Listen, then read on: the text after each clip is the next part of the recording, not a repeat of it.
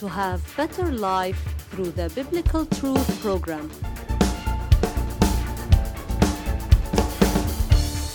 The title of today's Biblical Truth A Pause, a Cry, and Repentance.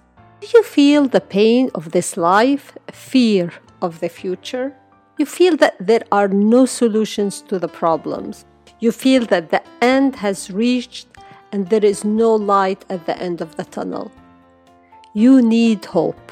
You need the Lord Jesus to give you grace in these situations to be more than victorious.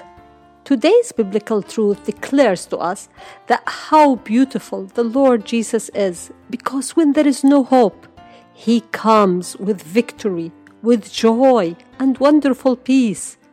Today, I encourage you to take a stand and cry out to God and repent before Him to see His glory.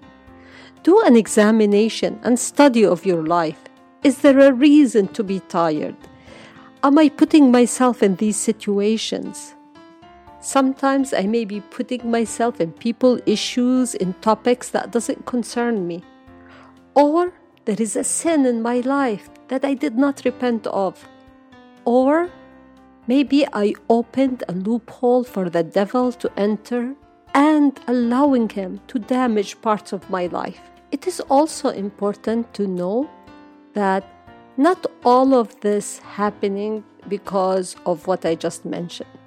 Sometimes it could be a battlefield, or it is possible that I put myself in these situations.